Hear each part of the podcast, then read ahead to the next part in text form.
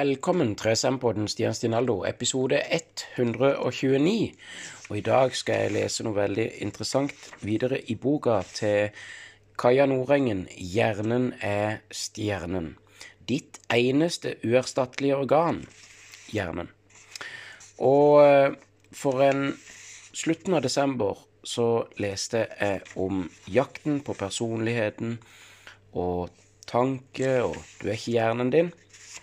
Og nå kommer jeg inn på et spennende, viktig kapittel som jeg gleder meg til å lese om i dag, som heter Hukommelse og læring. 3. Hukommelse og læring. Læring og hukommelse er selve grunnlaget for en kultur. Uten lærdom vil selve utviklingen stått stille. Uten hukommelse og minne vil ikke gjenkjent familie og venner.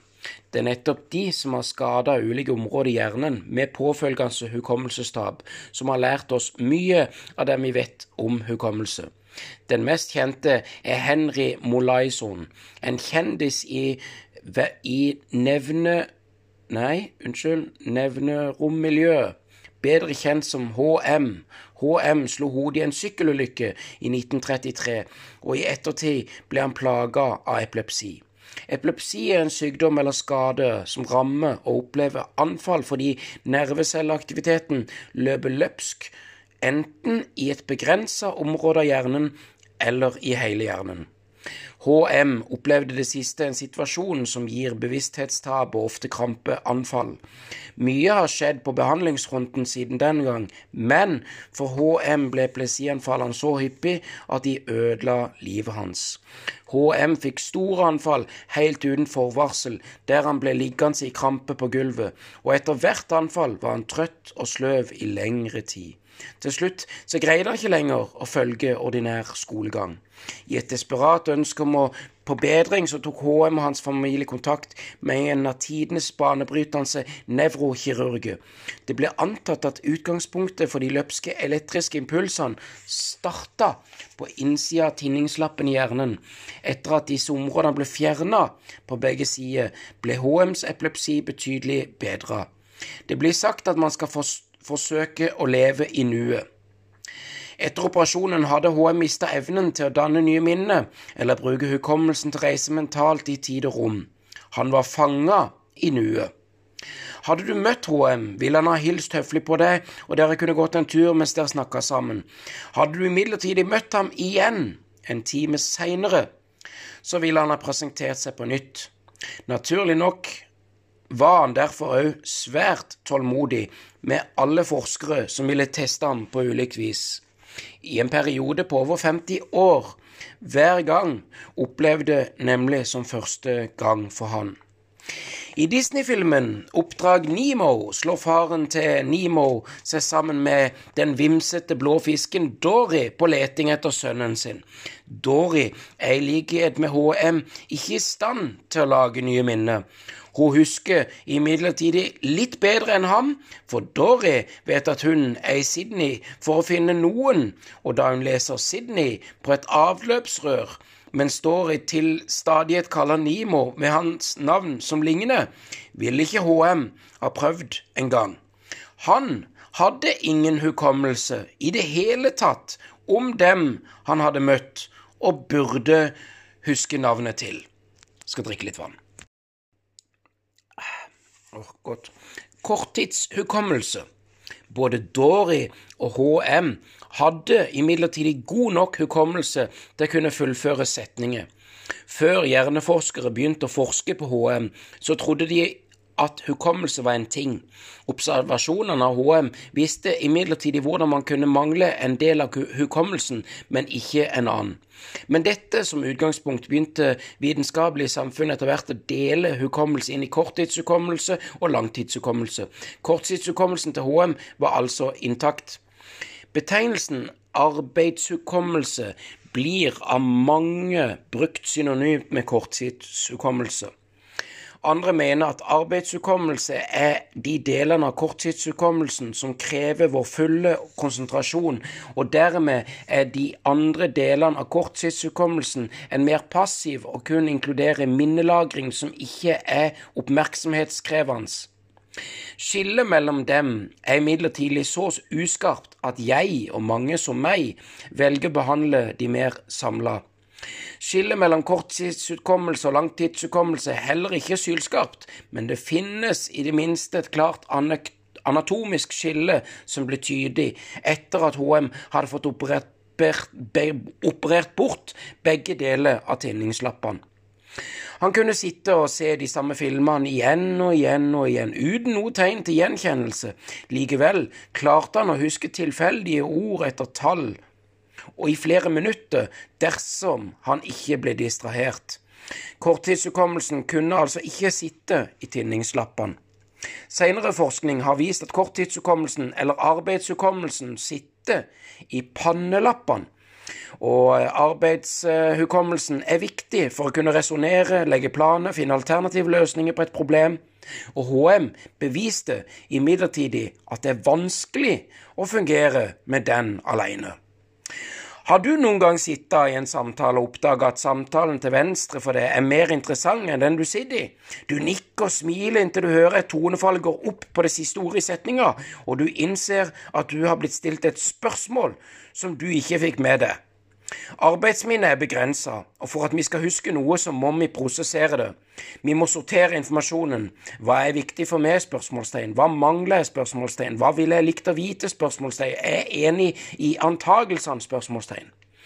For å huske de seinere, så må det òg repeteres. Selv om du har hørt ordene som ble sagt, så har du ikke konsentrert deg om de. Hukommelsen din vil derfor ikke kunne komme deg til unnsetning, og du må kanskje avsløre det med å be om å få spørsmålet repetert. Når familien min samles på påskefjellet, så pleier vi å ha påske, påskeleke på påskeaften.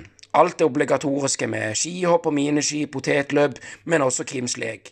Vi er en brokket gjeng med jenter og gutter, kvinner og menn, 20–60 år med ulik utdannelse, bakgrunn, men det er likevel påfellende lite variasjon i hvor mange gjenstander vi klarer å huske på ett minutt. Resultatene ligger på rundt sju. Det magiske sjutallet. Tallet på Allahims himle og regnbuens farge, men også tallet på hvor mye vi mennesker kan oppfatte samtidig.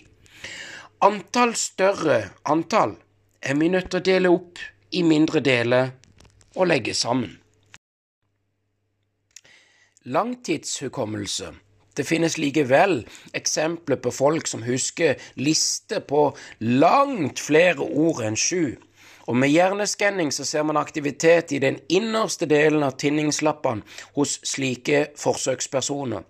Det ser altså ut til at de ordene det er lengst siden man har hørt, allerede har lagra seg i langtidshukommelsen, mens de sistnevnte ordene fortsatt ligger i arbeidshukommelsen, skråstrek korttidshukommelsen. Overgangen ser ut til å være glidende. HM har vært viktig for enda en oppdeling av hukommelse. Tidlig på 60-tallet ble han bedt om å tegne en stjerne han kunne se speilbilder av, uten at han fikk se arket han tegna på. Han strevde og han gjorde så godt han kunne, men det endte med et elendig resultat. Neste dag ba hjerneforskerne gjøre et nytt forsøk, og akkurat det samme utspant seg. HM mente han aldri hadde gjort noe lignende før, og han måtte ha detaljert instruksjon som dagene i forveien. Også denne gangen så strevde han, men gjorde så godt han kunne. Resultatet ble bedre, og for hver dag han gjorde oppgaven, gjorde han den bedre.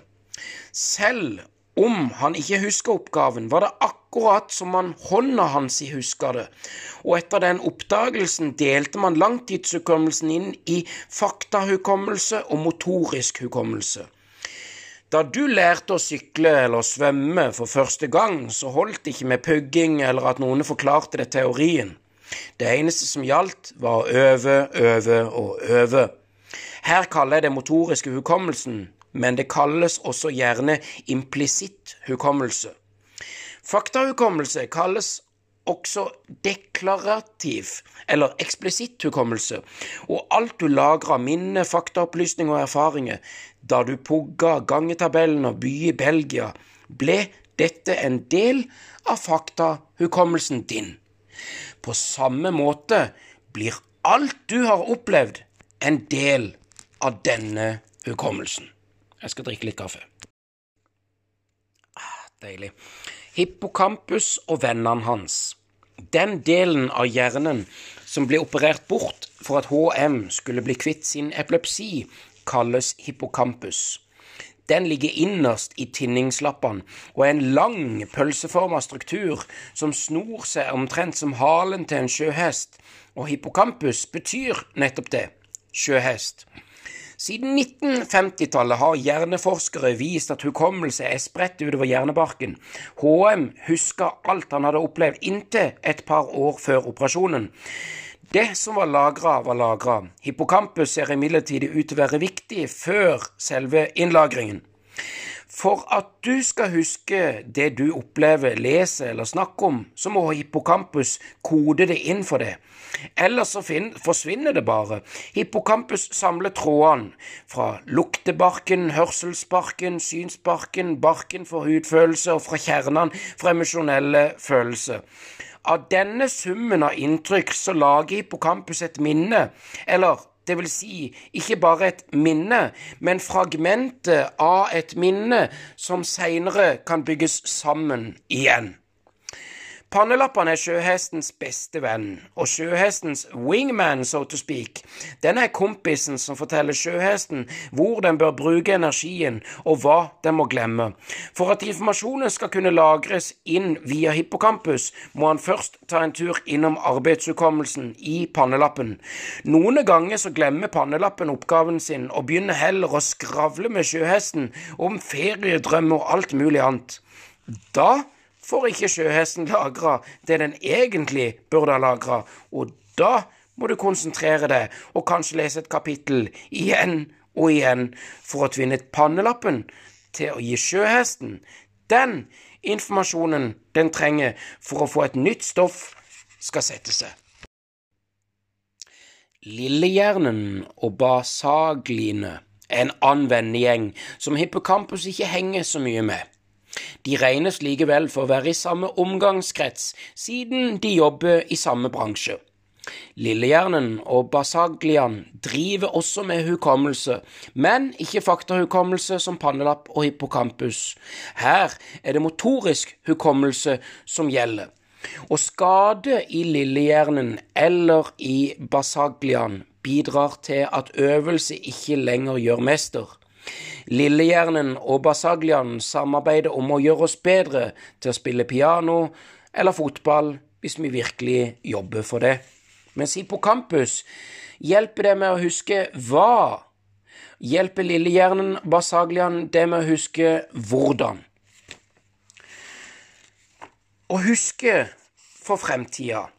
Hukommelsens fremste oppgave er bedre overlevelsen vår. Den er verktøyet vi bruker for å kunne endre og tilpasse atferden vår på bakgrunn av tidligere erfaringer. Så hva gjør jeg nå? spørsmålstegn. Hvor skal jeg gå? spørsmålstegn. Hva kan jeg forvente? spørsmålstegn.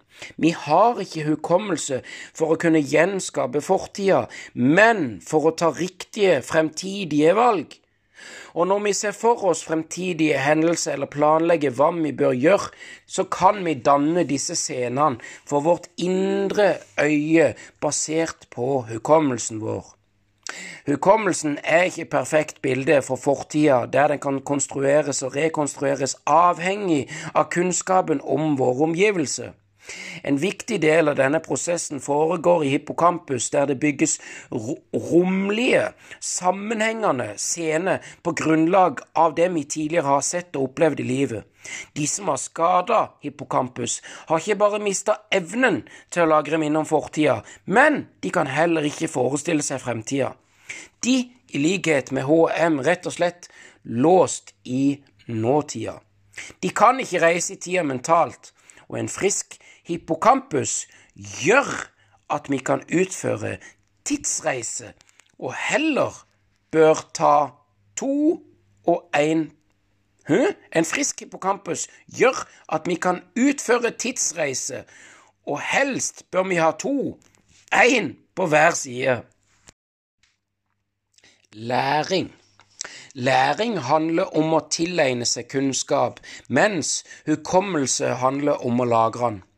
Det vil med andre ord si at uten læring så vil du ikke ha noe å huske, og hukommelse er essensielt for all læring fordi du må ha lagre og hente fram informasjonen du lærer. Det er ikke bare et område i hjernen som har ansvar for læring, det er mange. Det prefrontale hjernebarken spiller f.eks. en viktig rolle for læringa vår gjennom belønning og straff.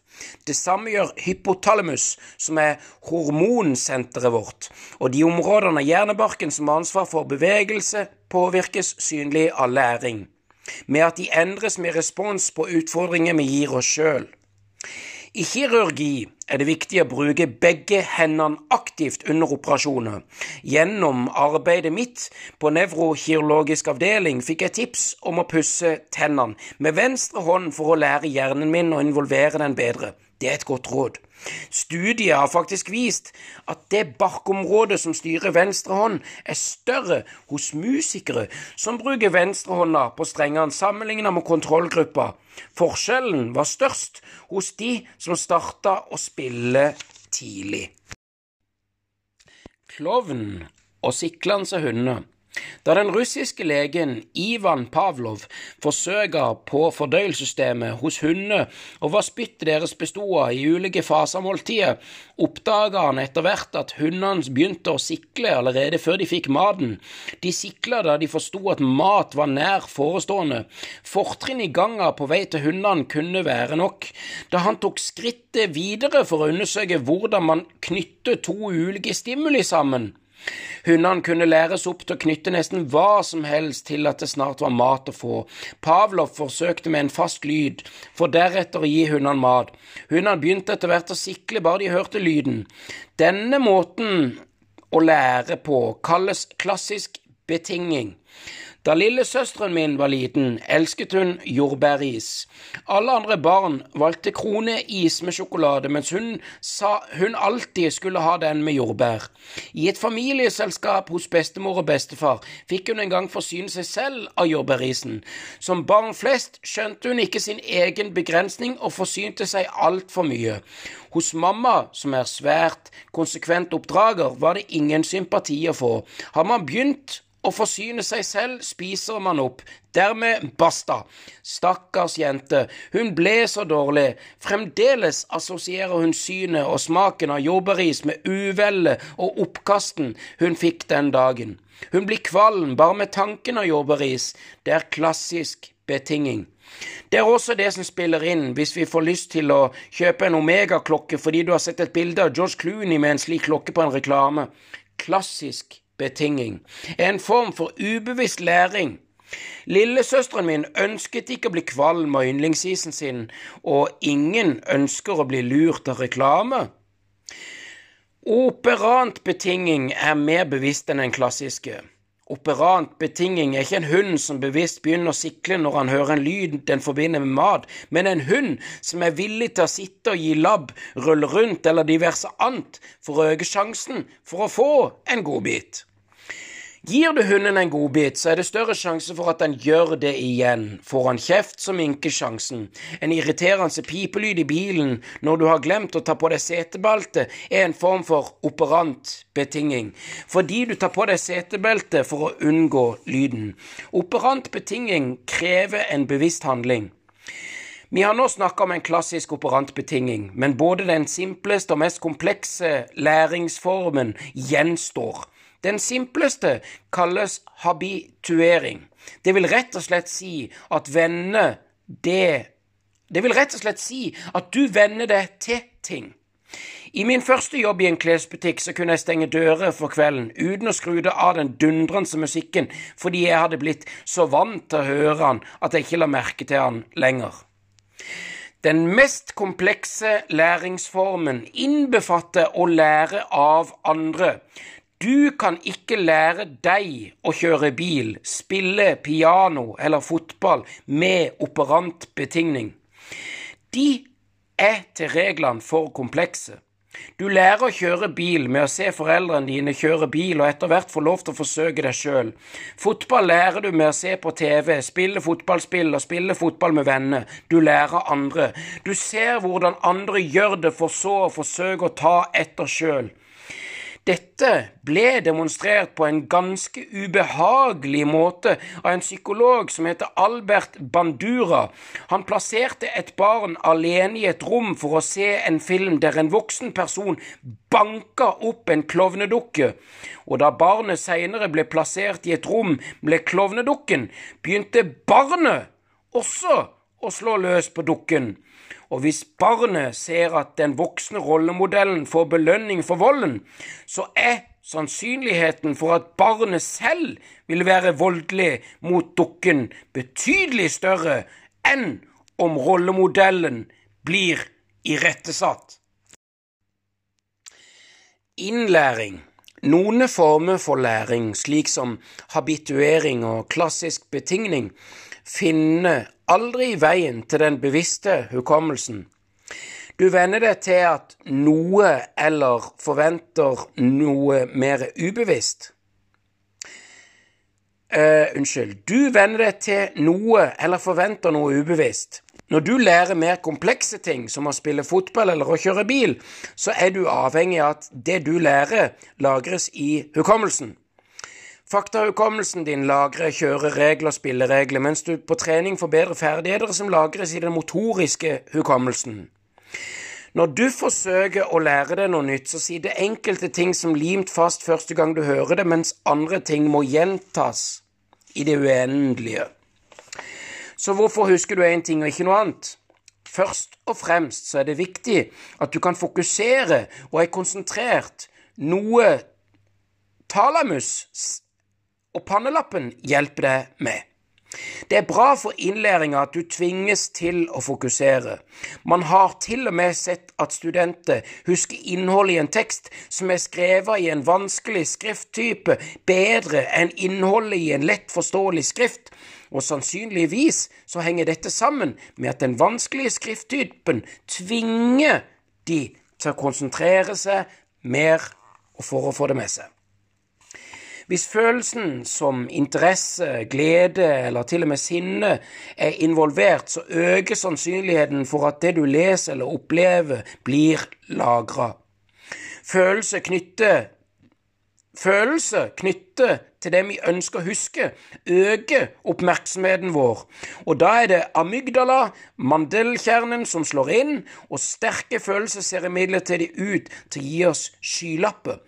Ransofre som får et våpen retta mot seg, husker ofte våpen i detalj, men sliter med å huske klærne til raneren eller bilen vedkommende kjørte av gårde i.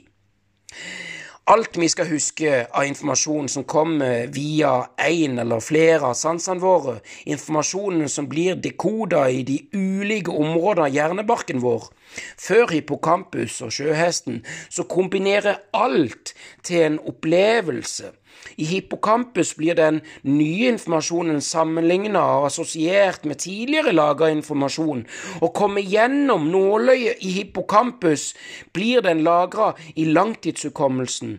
Vi vet at minnene i langtidshukommelsen ligger lagra i ulike deler av hjernebarken, og mens det mangler foreløpig en del forskning før vi kan si akkurat hvilken type informasjon som lagres hvor. Hukommelsen vår er assosiativ. Det vil si at vi forsøker å huske sette bedre dersom vi kan knytte det til noe vi kan eller vet fra før. Klarer du å knytte det du ønsker å huske til noe som virkelig betyr noe for det, setter du det ordentlig godt. Hvis du på en annen side forsøker å huske noe du egentlig ikke forstår, så funker ikke assosiasjonsteknikken. Om du i det hele tatt husker noe, så ville du huske det dårlig. En kjent hukommelsesteknikk benytter seg av hukommelsen vår, er assosiativ. Altså at en knytter ny informasjon til den som allerede er lagra i langtidsminnet vårt. Noen velger å se for seg et hus de går inn i, og assosierer hvert nye ord de hører med ett og ett rom de går gjennom mentalt. Huskeregler går ut på det samme. Man kan lage et fengende rim eller et morsomt ord basert på de første bokstavene i det man skal huske. I faget norsk på skolen så brukte vi regelen aldri to eller i aldri, men alltid to eller i alltid. Da vi var på medisin, så lærte vi å lytte på hjerter og skulle huske på akkurat hvor lyden til hvert hjerteklaff forplanta seg i brystveggen. Så pleide vi å si Arbeiderpartiets tillitsmann fra aortaklaff, pulmanaklaff, triupsklaff og mitraklaff. Etter hvert ble det både logisk og selvfølgelig uten huskregler, men det bidro til å hindre forvirring i innlæringsprosessen. Huskeregler kan brukes når det trengs, men det er ikke alltid slik at hukommelsen blir bedre og bedre jo mer du pugger, for jo mer du repeterer den ene du husker og jo mer du repeterer det ene du ønsker å huske, desto bedre kommer du til å huske det. Men du trener likevel ikke opp hukommelsen på samme måte som du trener en muskel. Lagring når minnene er sortert i hippocampus, en prosess som kan ta alt fra minutter til flere år, lagres minnene i langtidshukommelsen, som er spredt i hjernebarken. Det ser ut til at de blir lagra i deler. De lagres altså ikke i en skuff som kan åpnes når du trenger de, som hentes fram som en helhet. Synsinntrykket blir lagra i synsparken, hørselsinntrykket blir lagra i hørselsparken, og de emosjonelle følelsene i amygdala og berøring i den sensoriske hjernebarken. Vi husker smerte og forsøker å unngå å oppleve det igjen. Du har kanskje sett noen skade seg på TV og ufrivillig uttrykt au, eller sett en gutt krympe seg med å se en annen gutt falle med et bein på hver side av et hjerne og holde seg for skrittet. Vi lager ikke bare minner om bilder og ord, men også om hvordan noen føler det. Det er forskere sene kvelder og netter og helger rundt om i verdens laboratorier for å kunne gi deg svaret på hvordan informasjon lagres i hjernen. Så hva skjer når vi trykker på lagre-knappen? Vi har så mye som 86 milliarder nerveceller i hjernen. Det er mange, men så får vi til gjengjeld ikke så mange flere. For nydannelse av nerveceller skjer kun i noen få områder av hjernen. De fleste områdene ser imidlertid ut til ikke danne nye nerveceller i det hele tatt. Når vi lærer oss algebra, dannes det derfor ikke egne algebraceller som lagrer informasjonen for oss. Vi må lagre informasjonen i de nervecellene vi har fra før, og da i celler som allerede er brukt til å lagre annen informasjon. Alt du tenker, lærer, føler og husker, Alt du tenker, lærer og husker, sendes som en serie med elektriske og kjemiske signaler i sammenhengende nervecellenettverk. Elektriske signaler sendes nedover nervecellekroppen og ut i nervecelleutløperne. Aksonert, eller aksonet, i tuppen av aksonet blir det elektriske signalet gjort om til kjemiske signal som blir sendt over i den gedigne synapsespalten til 20 Eh, det, i den gedigne synapsespalten på 20 nanometer. Nervecellene kontakter hverandre nemlig ikke helt ennå, langt derifra. En spalte på 0,00002 millimeter skiller de. Og på den andre siden av denne spalten så treffer de kjemiske signalstoffene det neste nerveceller i nervecellenettverket. Og når de kjemiske signalene er overført gjennom synapsen, kan det igjen omformes til et elektrisk signal som kan fyke av gårde til enda en nervecelle. En synapse er altså det stedet en signal overføres fra en nervecelle til en neste. Du burde ønske deg mange synapser. Har du mange synapser, så er det lettere å tilpasse seg nye utfordringer. Hvordan får du flere synapser? Lær deg nye ting. Det behøver ikke være noe teoretisk. Bordtennis eller salsa er minst like bra. Og jo flere synapser, jo flere jo flere nervecellenettverk kan nervecellene dine bidra i. Når du lærer noe nytt, så dannes det altså synapse, men dersom du ikke repeterer det du har lært, kan synapsene tilbakedannes. Det dannes og tilbakedannes synapse hele tida, men de som brukes, blir varige. Og de som blir mye brukt, styrkes av det mystiske LTP. Selveste herr LTP, du vet at du er nerd når du blir starstruck i et møte med en 80 år gammel professor. Men forfatter har vært så heldig å møte selveste Terje Lømo, den norske legen som fant LTP. Det er nobelprisverdt. Hver nervecelle har mellom 10 000 og 150 000 kontaktpunkter synapse med andre nerveceller. Ikke alle disse synapsene er like effektive, og forkortelsen LTP står for langtidspotensiering. Altså at selve synapsen blir mer effektiv over tid. LTP dannes når den samme gruppen med nerveceller sender signaler til hverandre så ofte at de gradvis blir mer sensitive for hverandre. Dette minner om vennskap. Nerveceller som snakker mye sammen over synapsen, blir tettere forbundet. Etter hvert er det som om nervecelle nummer to hører ekstra godt etter hvis nervecelle nummer én snakker. Og jeg siterer. Nå sender du virkelig svake signaler til det, men jeg hører de, og siden det er det, skal jeg ikke sende de videre gjennom nervecellekroppen min og ut i aksjonet mitt, men bare siden det er det. Uh, unnskyld.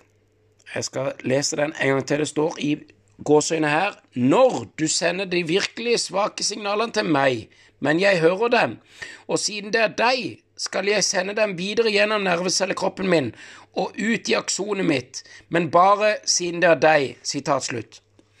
Terje Lømo fant LTP allerede i 1966, men det tok lang tid før resten av det vitenskapelige samfunnet forsto hvor viktig dette er for læringa. Synapsene våre lærer. Nervecellenettverk vi bruker mye, blir etter hvert mye lettere og lettere å bruke. Akkurat det du nå merker i praksis mange ganger allerede skal du lære deg nye dansetrinn, stokke alt seg i starten. Men dersom du fortsetter å øve og øve, så går det etter hvert av seg sjøl.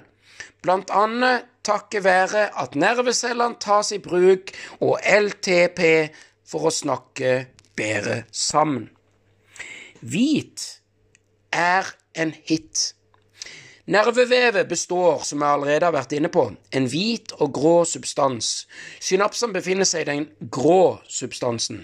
Grått er flott, men alt det spennende foregår ikke der. Informasjonen lagres ikke i de enkelte synapsene, men i et helt nervecellenettverk. Et nettverk bestående av flere synapser, men også motorveiene fra A til B. Motorveiene befinner seg i den hvite substansen. De består av nervecelleutløpere, aksoner. Aksonene blir isolert med myelin, noe som gjør at de elektriske signalene går raskt, og som også er årsaken til at hvit substans er hvit. Cellene som danner myelinet, kan prioritere signalveier som er viktige å isolere disse godt. Mye isolasjon betyr høy fart og liten fare for motorstopp på veien.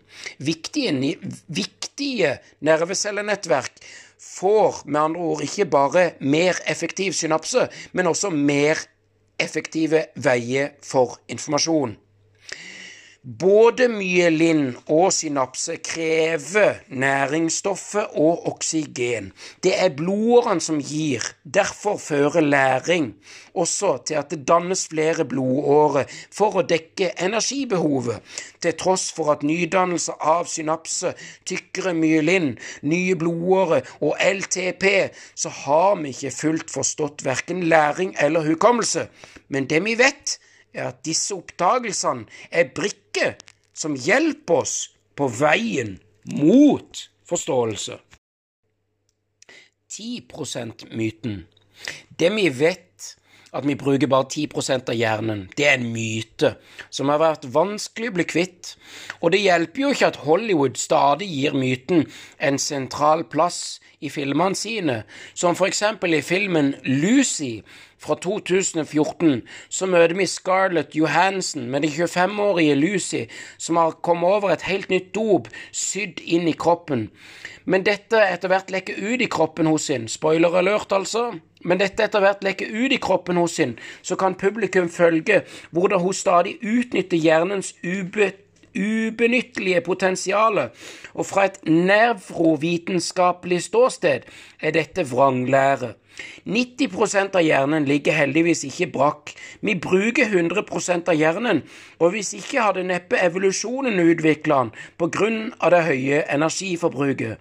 Det vi det at vi bruker alle nervecellene, betyr imidlertid ikke at hjernen ikke har et potensial å hente ut.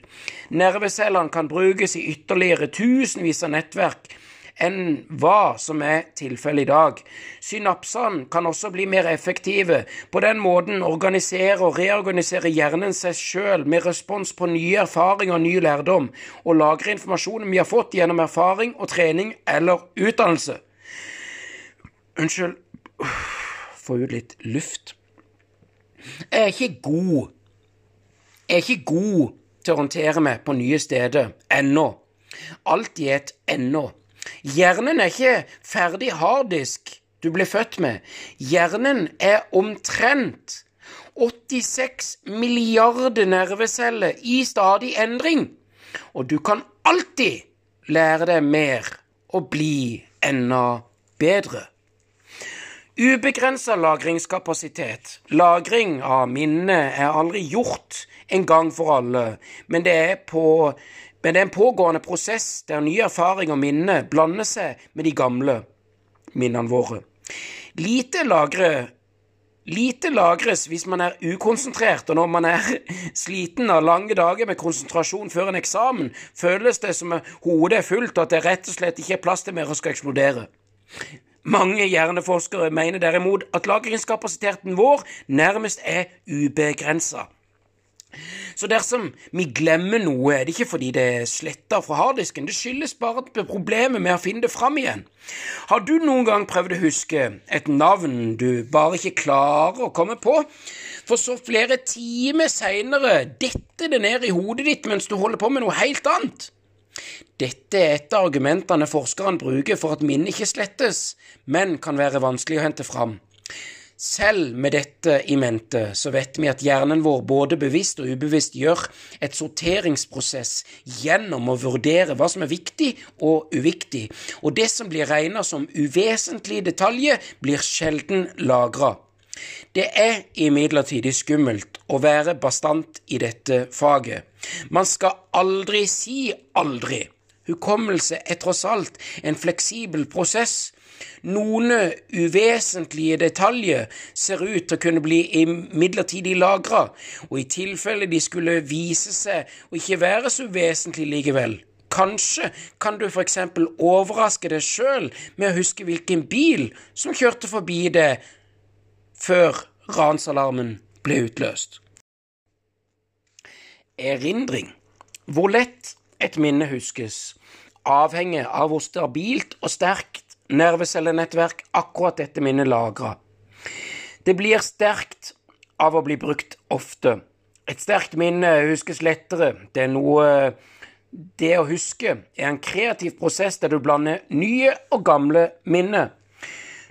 Du husker bruddstykket som du setter sammen til en meningsfull helhet, og siden minnene er lagra i bruddstykket i ulike deler av hjernebarken, må de også huskes i bruddstykket. Hva du husker, er også avhengig av hvilke humor, eller humør, du er i. Både miljøet rundt deg og humøret ditt du er, blir hint som lettere bringer frem et minne. Har du noen gang opplevd å gå inn i et rom, men kan ikke huske hvorfor du gikk inn i det, for deretter å komme på det igjen etter du er tilbake med utgangspunktet? Da var det miljøet som hjalp deg. På samme måte husker du lettere minner fra en fjelltur hvis du er på fjellet, og du husker flere hyggelige minner hvis du er glad, mens de triste minnene kommer frem hvis du er lei deg. Hvis vi gjenkaller ord fra en liste i fritt valgt rekkefølge, er det vanskelig å huske de første og siste ordene, men det er lettere å glemme de i midten. Naboord blir ofte lenka til hverandre og huska sammen, og blir, noen, blir de gitt noen hint, pleier de ofte å komme på ordene de først ikke huska. Ordene har altså ikke forsvunnet helt fra hukommelsen, men det var nødvendig med litt hjelp for å finne de fram igjen. Skal drikke litt kaffe og blåse nese. Der. Det var godt. Blir vi stilt et spørsmål, vet vi imidlertid umiddelbart om vi kan noe om det eller ikke. Vi behøver ikke først å gjøre et søk for deretter å konkludere med at dessverre, dette var nytt for meg. Vi vet at vi kan noe om det, så det kan selvfølgelig likevel hende vi må tenke oss om for å hente fram informasjonen, litt avhengig av hvor lenge det er siden vi henta det fram sist. Minnet kan hentes fram med at du aktivt husker eller gjenkjenner de, og når du kjenner de igjen, sammenligner du noe du ser eller hører, med hukommelsen. Og i hjernen så har vi til og med et eget ansiktgjenkjenningsområde. Dette ansiktgjenkjenningsområdet er ufattelig mye mer nyansert og anvendelig enn enhver en, enhver annen beskrivelse av et ansikt. Hadde det vært 200 eller 2000 menn i et rom, så hadde du uten problemer funnet faren din. Men hadde det vært Men du hadde vel neppe klart å beskrive ham så presist at en fremmed kunne gjort det samme. Gjenkjenning er en mye mer passiv prosess enn erindring, og det er som om noen bare klikker på plass uten at vi må grunne og fundere på det. Mennesket vi ser ofte, skaper etter hvert en veldig spesifikt aktivitetsmønster i hjernen vår, slik at våre egne nerveceller blir aktivert når vi ser familie, venner eller kjendiser. Visste du for eksempel at vi har en Jennifer Aniston-nervecelle? Så når signalet til en i hjernen ble målt med en elektrode i en pasientgruppe som skulle opereres for epilepsi, ble det tydelig at akkurat denne nervecellen bare reagerer hver gang det kommer et bilde av Jennifer Aniston, uavhengig av avstand, vinkel eller situasjonen bildet var tatt i. Når du skal huske noe, så spiller hjernen din av et nervecellenettverk som ble aktivert sammen da minnet satte seg første gang. Helt likt blir det heldigvis ikke. Det ville jo føles som å hallusinere hver gang man kom på noe man hadde opplevd. Hjernen din forteller deg at det du forestiller deg, kun er et minne, og det minnet det er samtidig på hvor du egentlig befinner deg, og godt er det. Vi vet at hensikten med hukommelsen vår er å huske tidligere hendelser som kan hjelpe oss i fremtidige valg, men vi trenger ikke å huske absolutt alt vi noensinne har opplevd for å oppnå det. Derfor blir sannsynligvis noen av episodene som er lagra i langtidsminnet vårt, etter hvert en del av en generell kunnskapsdatabase som gjør at vi kan generalisere på bakgrunn av erfaring, uten at vi kan skille de individuelle minnene fra hverandre. Så hvordan huske bedre? Når du skjønner hvordan hukommelsen fungerer, så kan du lettere få han til å spille på lag med det. Ut fra det du nå har hørt om hukommelse, så vet du hvor viktig det er å konsentrere seg når du får ny informasjon, og at den skal lagres. Derfor er det òg viktig å unngå store søvnunderskudd. Stress vil òg kunne redusere innlagringskapasiteten din. Hvis du bruker nesten all konsentrasjon på å grue deg til en eksamen eller neste foredrag du skal holde, så har du kanskje ikke nok konsentrasjonsreserve igjen til å lære noe nytt. Er du blant de som er veldig stressa dagene før du skal prestere, så er det ekstra viktig å bruke tid på det du skal huske god tid i forveien. Klarer du å engasjere deg i stoffet og dermed knytte det opp til følelsene dine, så er det jo enda bedre. Og jo flere sanser du bruker for å huske, jo bedre setter det seg i hukommelsen. Hvis du leser høyt for deg sjøl, så får du en informasjon både via synet og hørselen. Det hjelper deg bedre med å huske. Dette fungerer imidlertid aller best hvis du nøyer deg med å lese de viktigste ordene eller de viktigste setningene høyt. Deretter bør du repetere stoffet, rett og slett trene på setningene for å hente fram akkurat når du vil, og kanskje til og med rette litt på hukommelsen din der så du har snekra seg inn en feil. Kanskje bør du heller ikke kose deg med altfor mange glass vin før du skal lagre noe viktig i hukommelsen. I hvert fall ikke hvis det skal være edru når du skal hente fram informasjonen igjen. For hvis du lærer noe under rus, så husker du det nemlig bedre under samme rus enn når du er nykter eller edru. Dersom situasjonen for innlæring og uthenting av informasjon er lik, går prosessen smidigere. Hvilket språk du blir stilt spørsmål på, har også noe å si for hva du husker. Tospråklige russere bosatt i USA husker lettere detaljer fra oppveksten sin hvis de fikk spørsmålet på morsmål russisk enn om det ble stilt på deres andre språk engelsk. Vi husker også bedre hvis vi ser noe i farge enn om vi ser det samme i svart-hvitt. Skal du ha eksamen i et stille lokale, så bør du også ha det stille rundt deg når du jobber med innlagringen. La meg repetere den siste setningen en gang til. Skal du ha eksamen i et stille lokale, så bør du også ha det stille rundt deg når du jobber med innlagringen. Og siden repetisjon er viktig for oss at du skal huske, så tillater jeg meg å repetere dette poenget. Skal du huske godt, så bør du prioritere til å høre deg sjøl, eller få andre til å høre det. Test deg sjøl, gjennomgå eksamensoppgave, eller få venner til å stille deg spørsmål på teksten. Dette er en mye mer effektiv måte å trene og hente fram kunnskap igjen, enn å bruke den samme tida på å lese om og om igjen. Hukommelsen din har godt at du jobber aktivt med stoffet, og husk at det er ikke bare innlagringa som skal bli god, men du skal òg bli god til å hente fram minnet igjen. Det finnes imidlertid folk blant oss med en helt sjelden hukommelse. Det finnes hjerne som husker ufattelige detaljer etter en kort flytur over en storby eller til og med hele telefonkataloget. Samtidig så kan de mangle andre helt grunnleggende evner. Enkelte former for hjerneskade skaper verdens mest emosjonelle hjerne. Vi har ingen sikker forklaring på hvorfor det er slik, men det finnes mange teorier. En av de peker på skade eller svekkelse i venstre hjernehalvdel, og den hjernehalvdelen som bidrar til å filtrere informasjon for oss. De som har den selvmotsigende blandingen av psykisk utviklingshemming eller autisme og superutviklet evne, kalles savanter. Det er beskrevet omtrent 50 savanter i verden. En av disse lærte å lese før han lærte å gå. Han hadde et forstørret hode, ingen hjernebjelke mellom venstre og høyre hjernehalvdel, og heller ingen lillehjerne. Han ble diagnotisert som mentalt tilbakestående, men han hadde en unik hukommelse. Han kunne lese to sider på én gang, én med hvert øye, og huske alt i detalj, for alltid. Til slutt så kunne han gjenfortelle fra 12 000 bøker og da han demonstrerte dette for filmmanusforfatter Barry Morrow, bestemte Morrow seg for å skrive om det.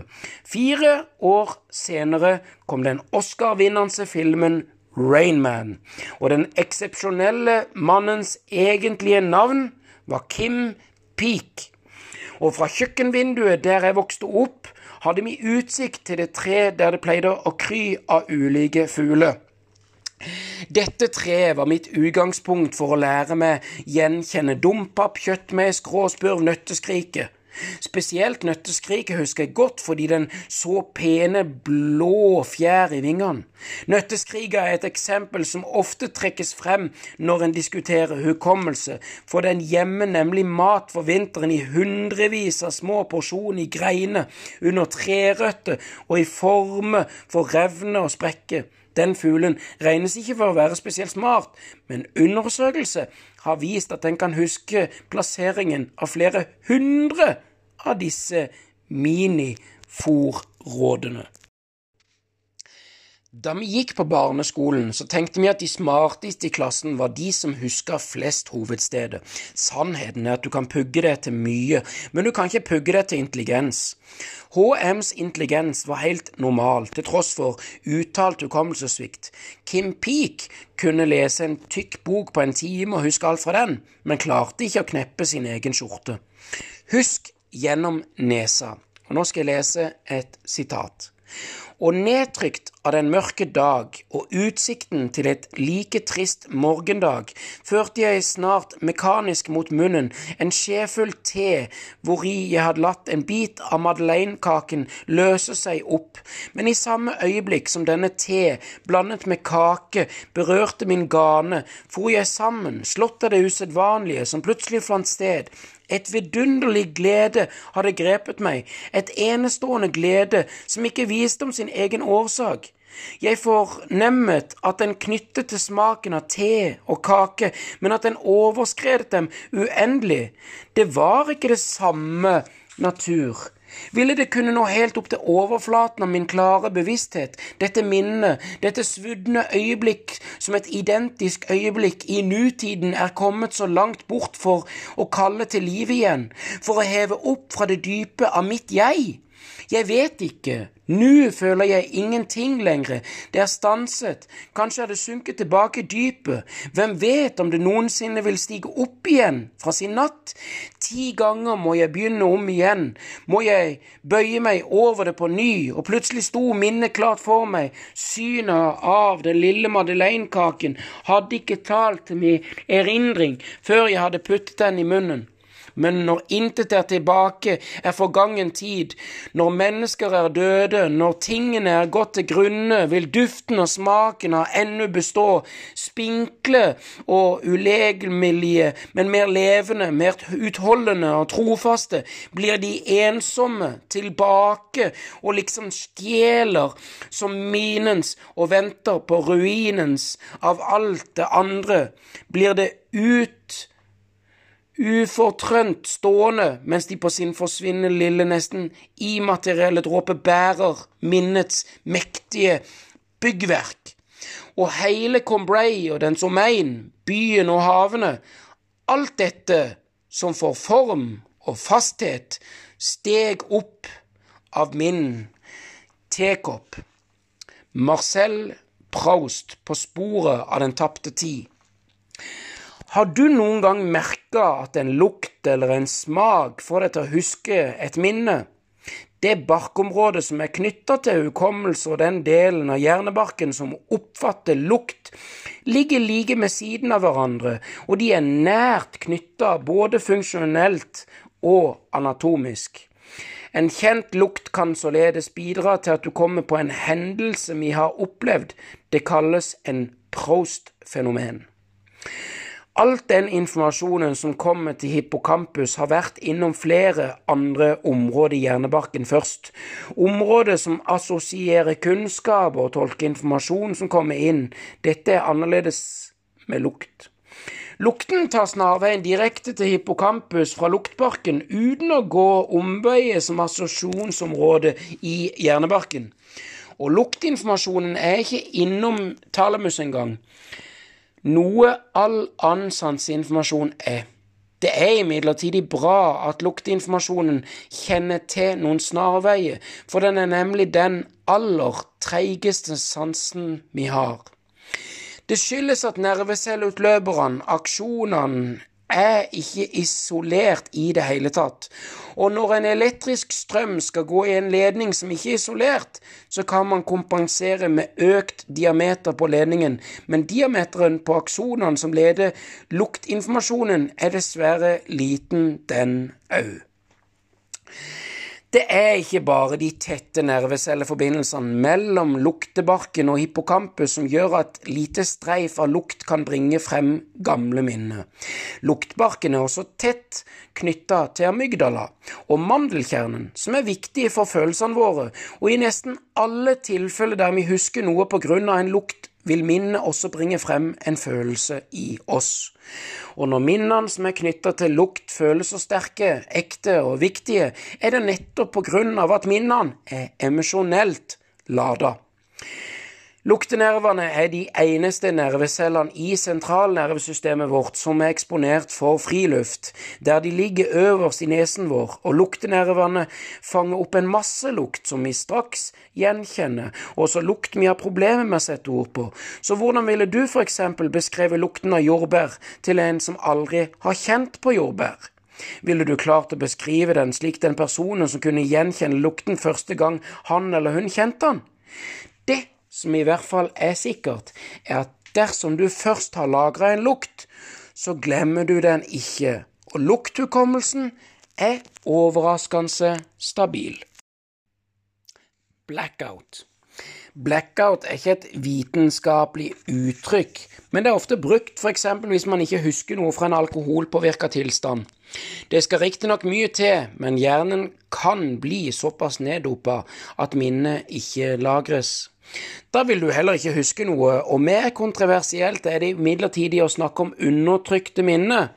Dette minnet som ikke lenger kan hentes frem etter man har opplevd noe fælt. Det er ikke bevisst at minnet Det er ikke bevist eller at minnet ubevisst blir undertrykt av traumatisk opplevelse, dog heller ikke motbevist. Noe mer akseptert Unnskyld. Noe mer akseptert er tanken om at bevisst fortrenger minnet.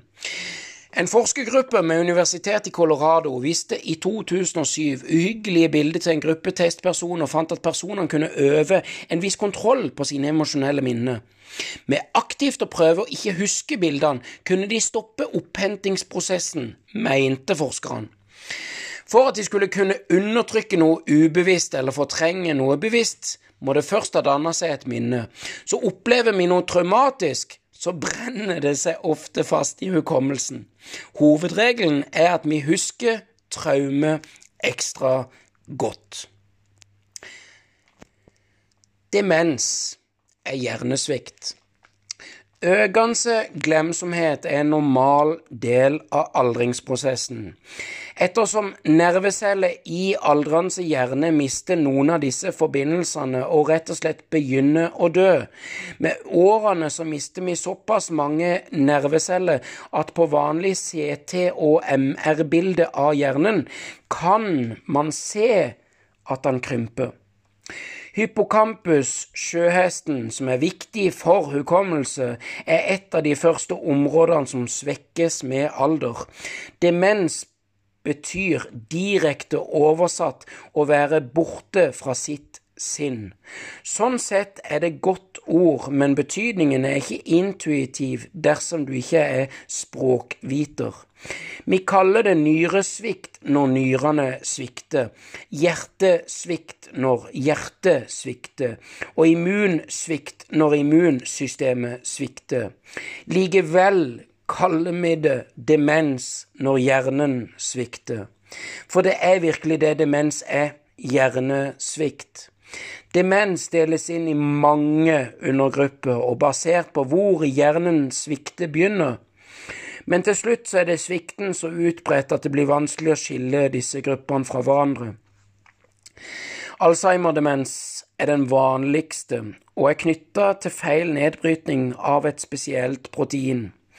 De bidrar igjen til avleiring som skader nervecellene, og skadene ser ut til å starte i tinningslappene akkurat med hippocampus. Hukommelsen er noe av det første som blir ramma, og personer som er ramma, har fortsatt seg selv den Personer som er ramma, er fortsatt seg selv med den personligheten og den humoren som de pårørende kjenner, med vedkommende glemmer å skru av kaffetraktoren, blåse ut telysene, eller hva han eller hun skulle ha på butikken. I starten så kan eh, I starten kan det kompenseres med liste, men etter hvert så holder det ikke heller.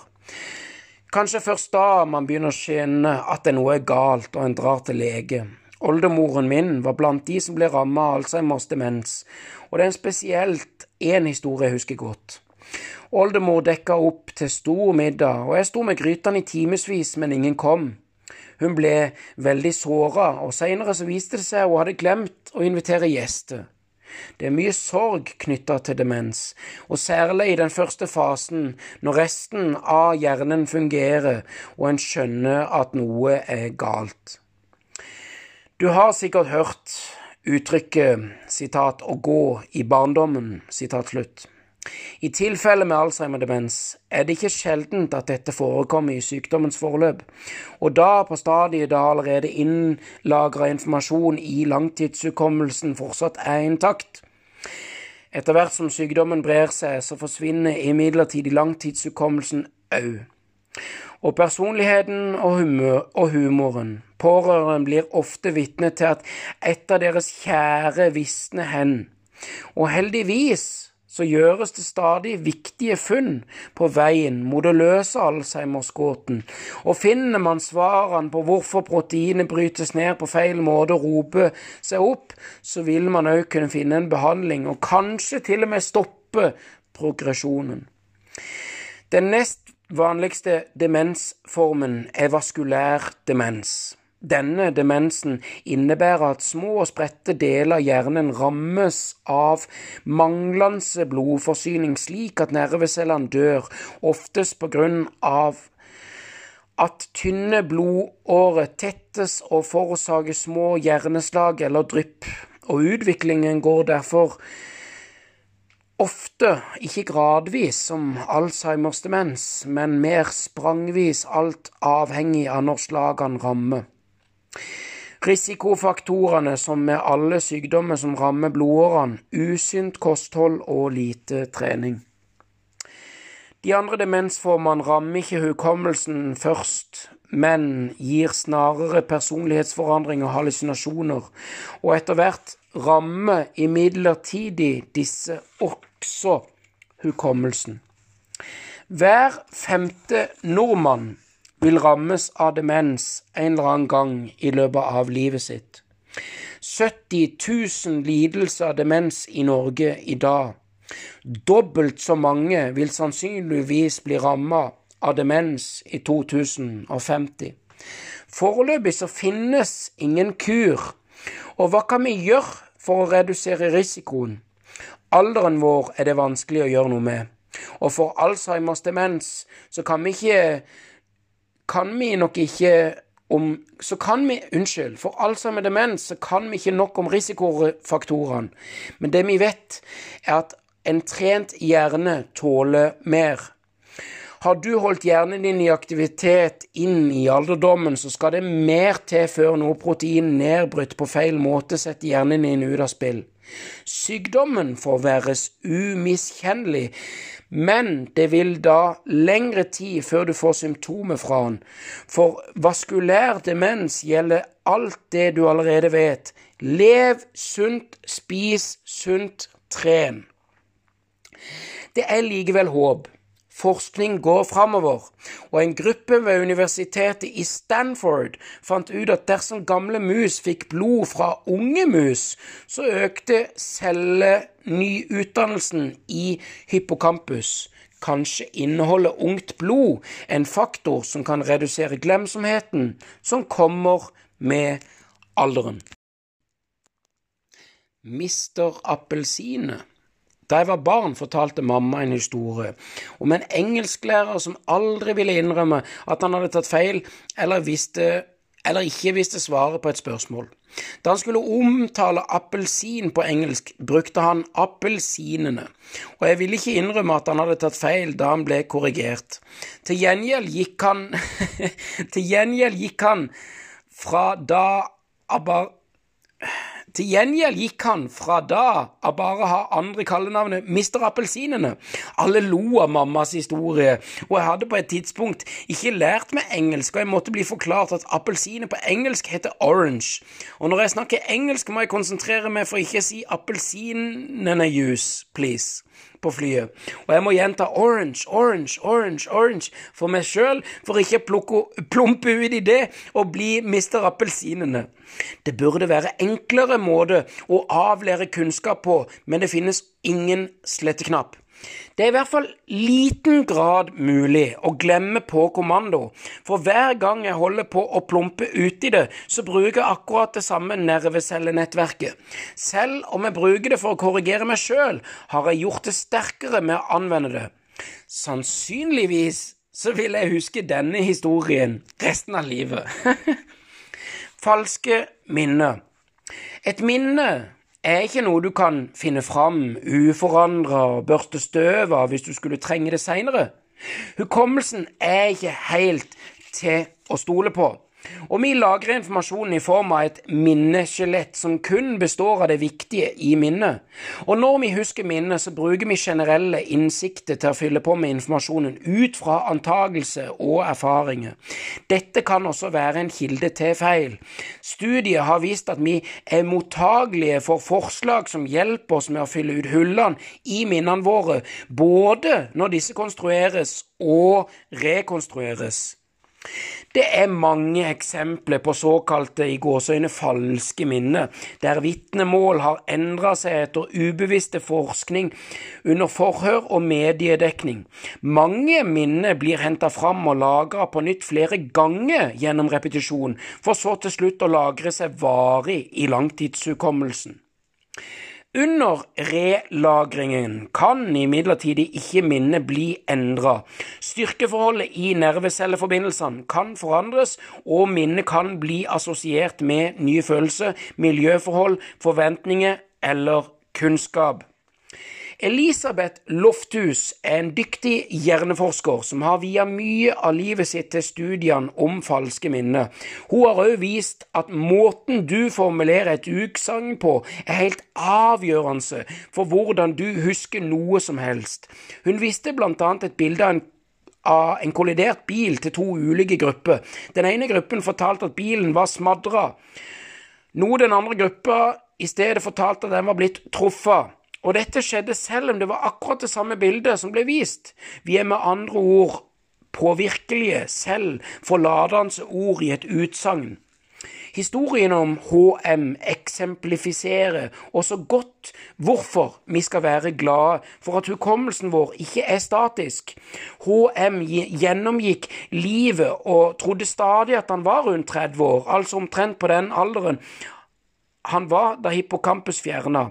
Da han så et bilde av en eldre utgave av seg selv, syntes han det ligna på faren, selv om faren ikke brukte briller. Han ble overraska over sitt eget speilbilde hver morgen, og han hadde kunne bevart minnet fra før operasjonen og huska således kun sitt 27-årige i gåseøyne jeg.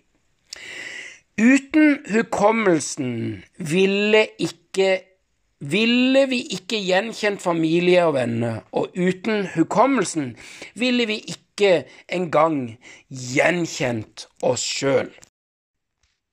Sett pris på din glemsel. Mange ønsker å huske mer, men vær forsiktig med hva du ønsker deg. Har du en gjennomsnittlig hukommelse, bør du kanskje være fornøyd. Gjennomsnittlig er ikke synonymt med dårlig, og hjernen sorterer løfter frem til det som er viktig, og gjemmer vekk det som er uviktig. Alt du opplever, lagres ikke. Hukommelsen din fungerer som et slags filter som beskytter deg mot overfloden av informasjon som du bombarderes med hver dag. Det er sjelden det finnes noen som ikke glemmer noe av det som har skjedd i. Da jeg snakker ikke om de som har en Guinness rekordbokhukommelse, da disse typisk trener og trener hver dag med hjelp av hukommelsesstrategier og slike typer verktøy. Heller ikke om savante. Noen få mennesker i verden husker hver eneste dag fra livet sitt, hele livet sitt. Den første som ble identifisert med denne evnen, ble til å begynne med bare kalt AJ i litteraturen, men det er senere avslørt at AJ er en amerikansk kvinne med navn Jill Price. Uansett hvilken dato du måtte nevne, så kan hun ramse opp hvilket vær det var den dagen, akkurat hva hun gjorde, hvem som var rundt henne, samt hva som skjedde i nyhetsbildet. Hun husker alt også ubetydelige detaljer. Selv beskriver hun hukommelsen sin som å spille en film som aldri stopper. Hun opplever verden som delt, der hun ser nåtida og fortida samtidig. Hver minste lille ting i hverdagen minner om en rekke tidligere opplevelser som hun straks gjenopplever. Og de fleste kaller hukommelsen hennes en gave, selv kaller hun den en byrde. AJ og Kim Peak er kjent for sine enorme hukommelse, mens HM er kjent for sin enorme glemsel. Og selv om HM brukte mesteparten av livet sitt på å glemme ting, så har han lært oss mye om hukommelse, og vil selv bli huska i generasjoner til slutt her nå. Kunnskap om hukommelse kan hjelpe deg til å forstå hvordan du kan gjøre hukommelsen mer effektiv. Men også når du ikke kan stole på den. Minner er ikke eksakte bilder av fortida, og de er faktisk viktige for fremtida. Så husk også å nyte din normale glemsel. Yes, da er jeg ferdig med kapittel tre i eh, Hjernen er stjernen. Jeg håper du har lytta og nytt godt om hukommelse og læring. Og eh, de forskjellige tingene jeg har vært innom, både korttidshukommelse, langtidshukommelse, hippocampus, huske fremtida, læring, lagring, erindring og sånn. Tusen hjertelig takk for at du deler, for at du lytter, for at du sprer. Og husk det at eh, den positive lov Tenk positive tanker. Bruk positive ord. Gjør positive handlinger. Og det er det positive som gror. Fred og kjærlighet til dere alle her vi bor. Peace out.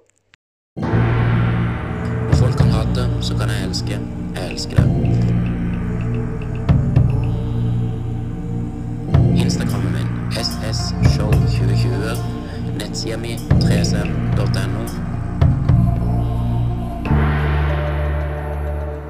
ट्वेल्स का